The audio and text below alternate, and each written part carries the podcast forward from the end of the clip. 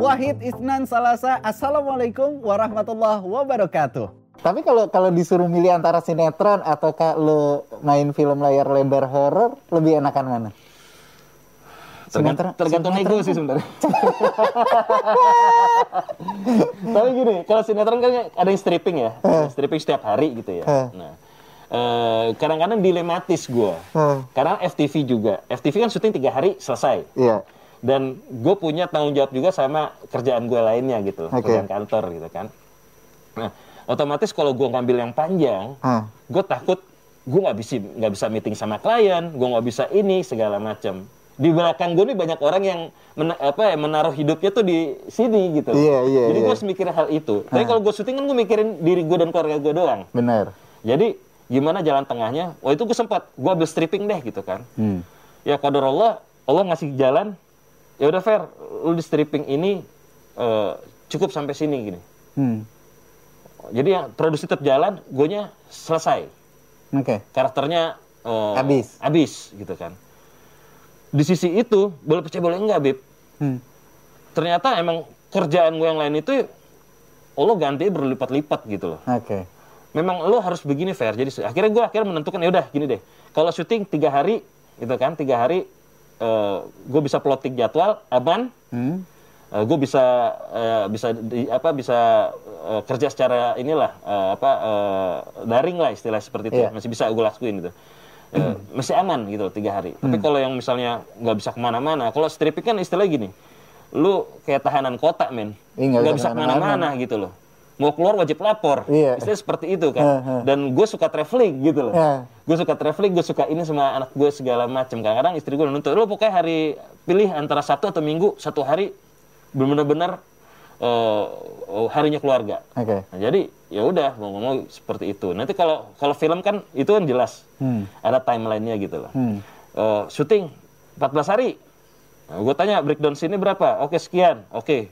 Berarti gue aman ya. Ini ini ini aman segala macam. Ada berapa ada syuting daysnya aman. Hmm. Nah kadang-kadang oh kalau gue oh gue ada kerjaan lain nih segala macam. Gua ini- Oke gue bisa ke lokasi jam sekian. Nah, Oke. Masih bisa dikomunikasi.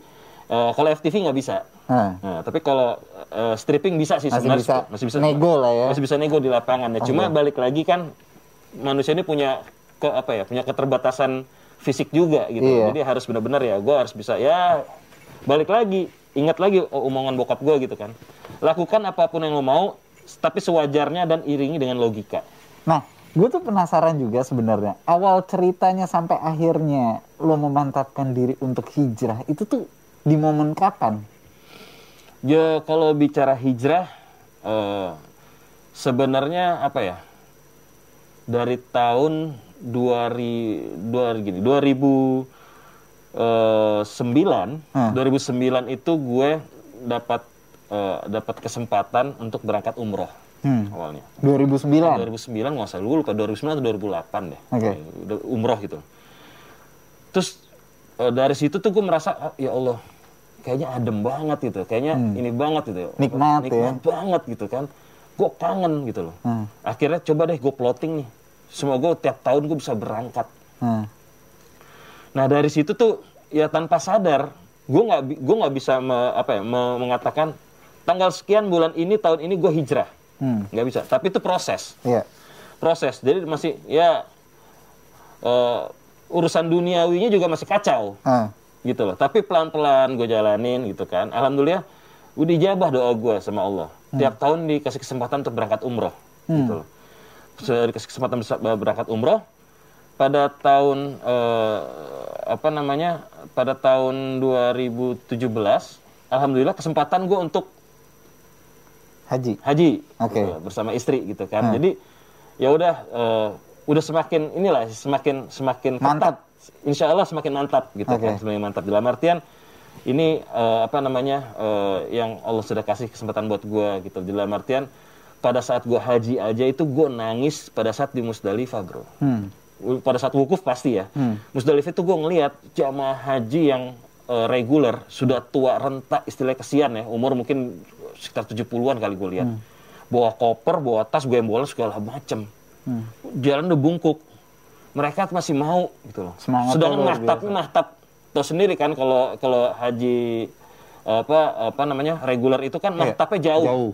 Jauh, bisa mahtap mahtap dua, tiga apa mungkin lah sana. Sedangkan kita mahtapnya mahtap yang cakep nih. Iya. Jarak mau lempar jumroh paling cuma berapa kilo. Hmm. Kadang-kadang turun eskalator langsung Jumroh. lempar, jumroh gitu kan. Hmm.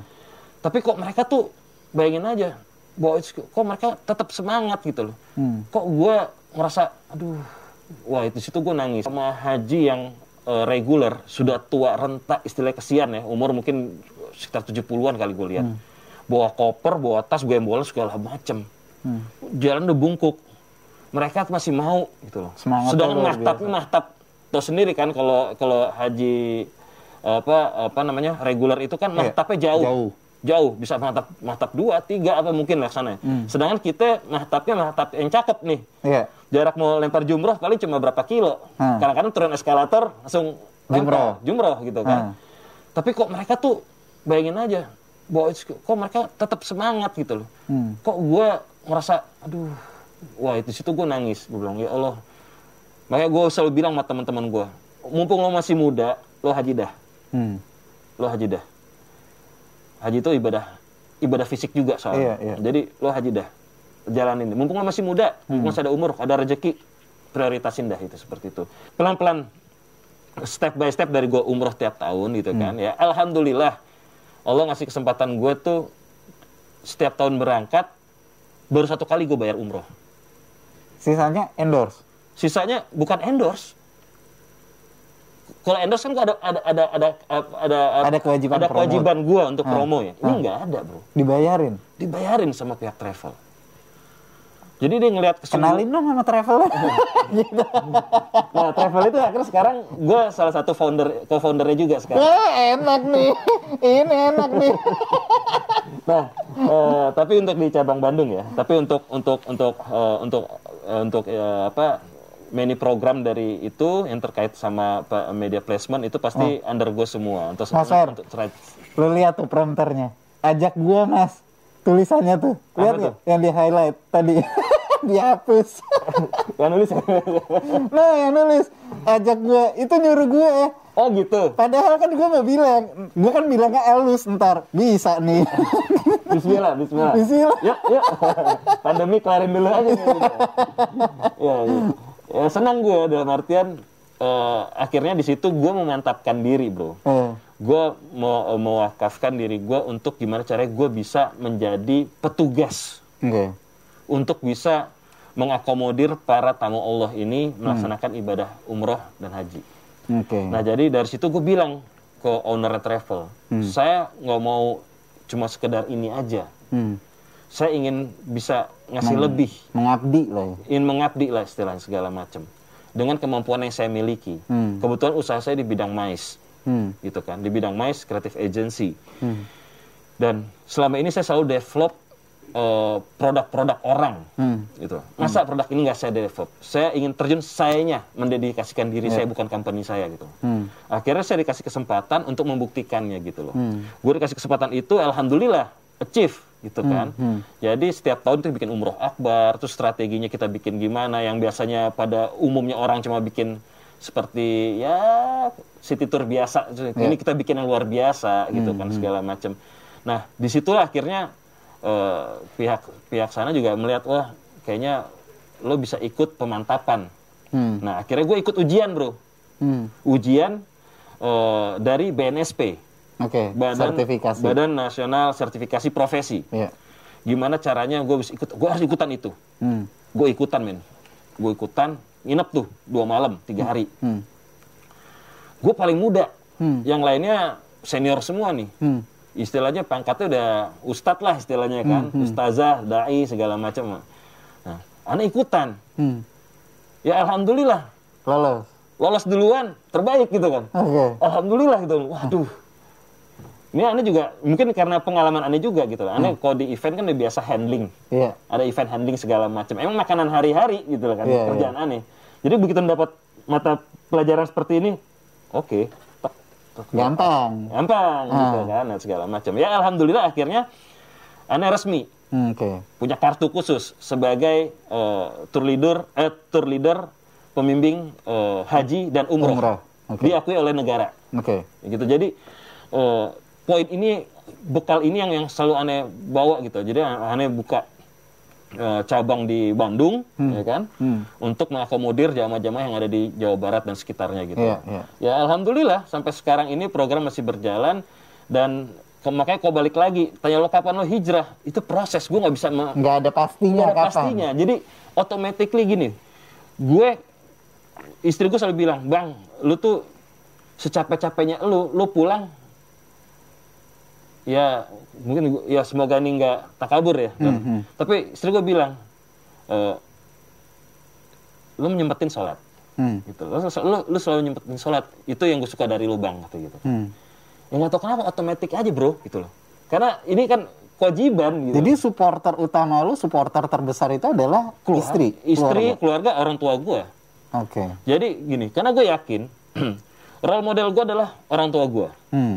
Orang tua gue membimbing gue sampai saat ini sampai menjadi seperti ini Hmm. dan gue harus menjadikan gue role model untuk anak gue Hmm. otomatis anak gue sekarang jadi ngeliat nih bapak ini begini nih Hmm.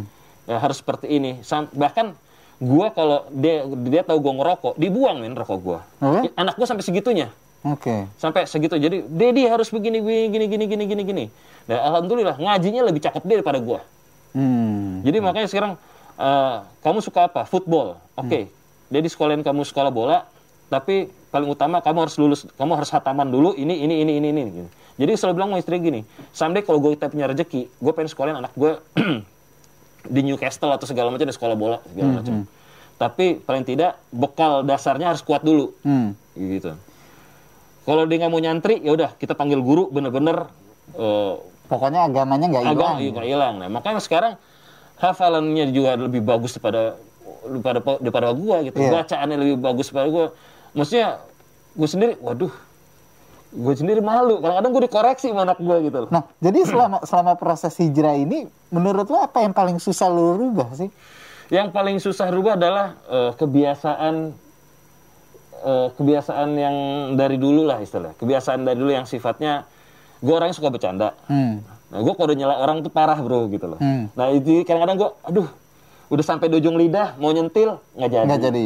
Nggak jadi. Itu gue susah, jujur aja gitu. Hmm. Gue kalau nyela orang parah istilahnya gitu loh. Hmm. Eh, apa ya ya gue masih masih masih terus berupaya untuk komunikasi sama hati gue supaya bisa bisa bener lah gue bersikap. Iya karena kita biasa tongkrongan itu kan dia tadinya men. kan. Biasa kita gitaran di warung, ngopi gitu kan, Celah-celahan. celah-celahan, celah-celahan warung segala macam. Kadang-kadang gue gini ngeliat orang kayak gini, uh, saya lo ini, ini, ini, ini." Ah. bahasa-bahasa seperti itu. Tapi eh, di TV gue pernah begitu gitu. Ah, ah, Jadi memang itu gue memang memang gue nikmatin lingkungan gue seperti itu. Tapi kan eh, sempat kalau nggak salah di di proses hijrah ya, Mas Ferry itu sempat main film-film yang agak seronok gitu kan. itu dia. Nah itu gimana ceritanya?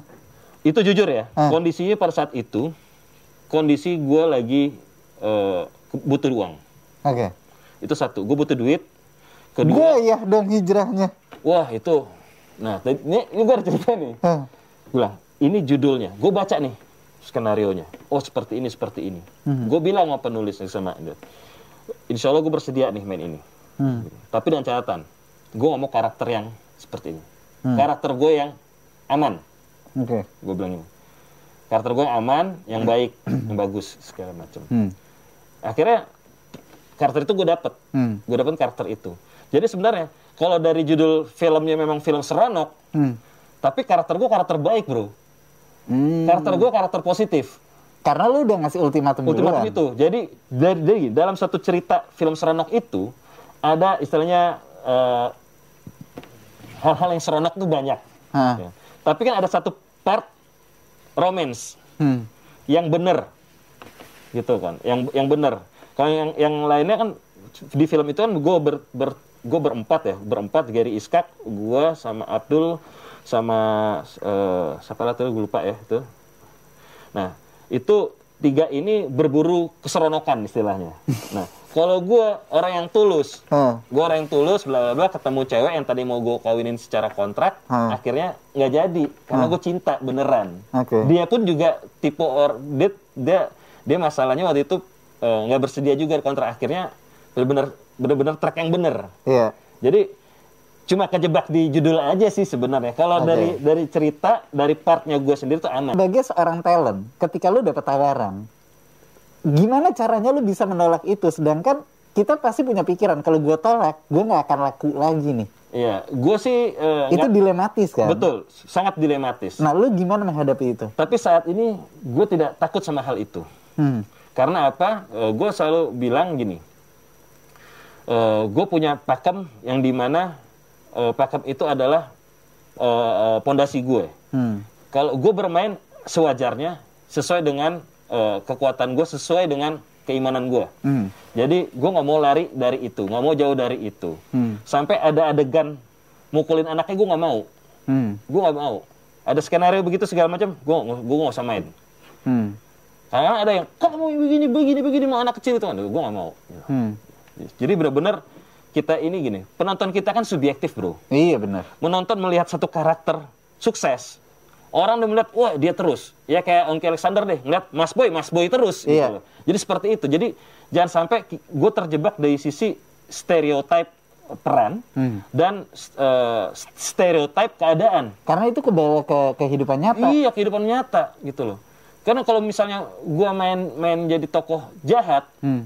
Bisa jadi tuh di mall dipanggil orang, woi, woi ini ini segala macam. Nah, bisa kayak gitu. Apalagi emak-emak kalau nonton nah, kan. itu dia. Iya kan? Itu dia. Jadi gua ya udahlah, gua gua ini plotting yang gua yang gua pilih. Hmm. Jadi gua nggak gua nggak takut kalau kalau gua nggak laku ya Allah pasti ngasih gua rezeki lain.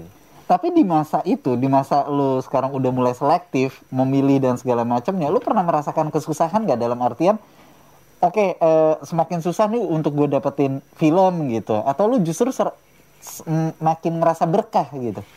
Eh gua ngerasa mera- merasa jauh lebih berkah. Oke. Jadi gue memang sekarang ini ada beberapa tawaran, tawaran film Hmm.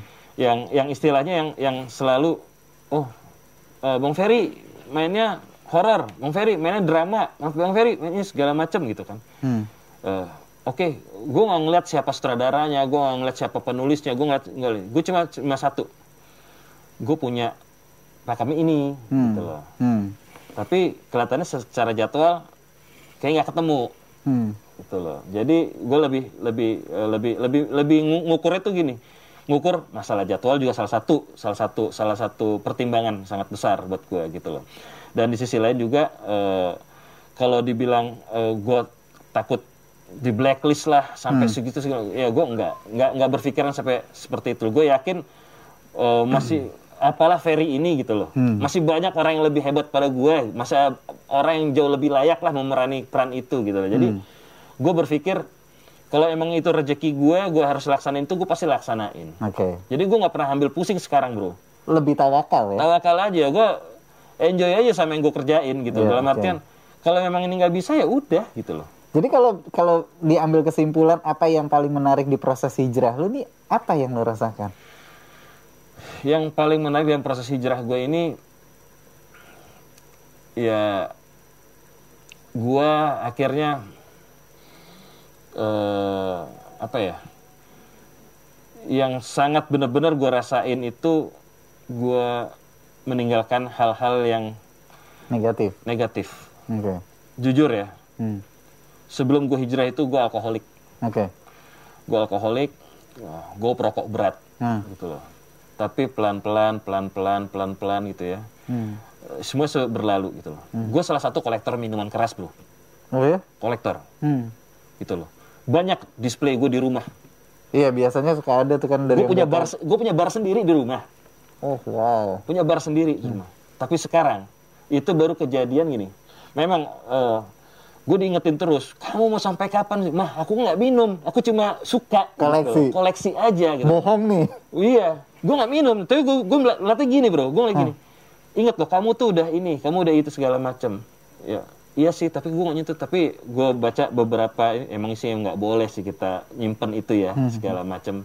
Apa eh, malaikat yang mau masuk ke rumah masuk. gitu kan.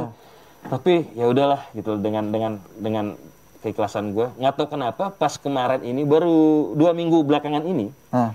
renovasi rumah gue. Hah. Lo boleh percaya boleh enggak bro Kadar Allah Itu etalase ba- bar gua Baru digeser sedikit Runtuh empat lantai itu, berubah pecah. Semuanya. Cuma sebotol sih yang pecah. Dan sekian banyak gitu kan. sebotol pecah, akhirnya ya udah. Betul-betul segala macam udah gue hibahin lah, sih. siapa dah? Gue ini nah. Jangan ada Ini di dua rumah- minggu jangan- lalu nih? Dua minggu lalu. Oke. Jangan ada di rumah gue dah. Ini kayak gini-gini dah. Emang eh, banyak mudarat nih. Gue bilang, Ah. Udahlah gitu. Nggak tahu kenapa. Jadi benar-benar di situ eh, apa ya? Kalau dibilang gue pet, pet hikmahnya pasti gue banyak hikmahnya. Iya. Jadi kadang-kadang yang namanya manusia ya, gue juga masih terus belajar. Hmm. Kadang-kadang gue perlu diingetin juga. Gitu. Hmm. Hmm. Begitu gue seorang pimpinan di, di perusahaan gue. Kadang-kadang gue suka sedikit otoriter. Kadang-kadang gue sedikit ini. Kadang-kadang itu nyakitin orang. Hmm. Kadang itu bertentangan sama akidah. Iya. Kadang-kadang itu. Tapi di sisi lain gue memikirkan mereka. Tapi kan balik lagi, gue nggak boleh egois. Hmm. Iya benar. Belum tentu. Oh misalnya, oh Ferry mikirin anak buahnya segala macam bla bla supaya mereka itu segala macam. Belum tentu mereka berpikir seperti itu juga. Gitu. Iya, sama. Jadi sekalipun apa pun yang gue lakukan itu gue nggak pernah minta pamrih. Hmm. Jadi buat gue apa tangan kanan gue memberi tangan kiri gue nggak perlu tahu lah. Hmm, Misalnya seperti itu. Eh, sebisa mungkin gue coba menjadi pribadi yang bener aja deh, yang lempeng-lempeng aja dah gitu hidup segala macam. Apalagi sekarang ini gue dikasih amanah cukup besar Hmm. gitu loh. Dan gue juga aktif di organisasi. Iya. Nah jadi mau nggak mau ya gue harus bisa apa memberikan eh, positif energi lah buat orang-orang gitu loh. Dibilang sibuk, mungkin gue ada di rumah, tapi gue di rumah tuh gue produktif. Hmm. Gue bisa di depan laptop itu bisa berjam-jam untuk ngerjain program. Talata Ithnan Wahid. Wassalamualaikum warahmatullahi wabarakatuh.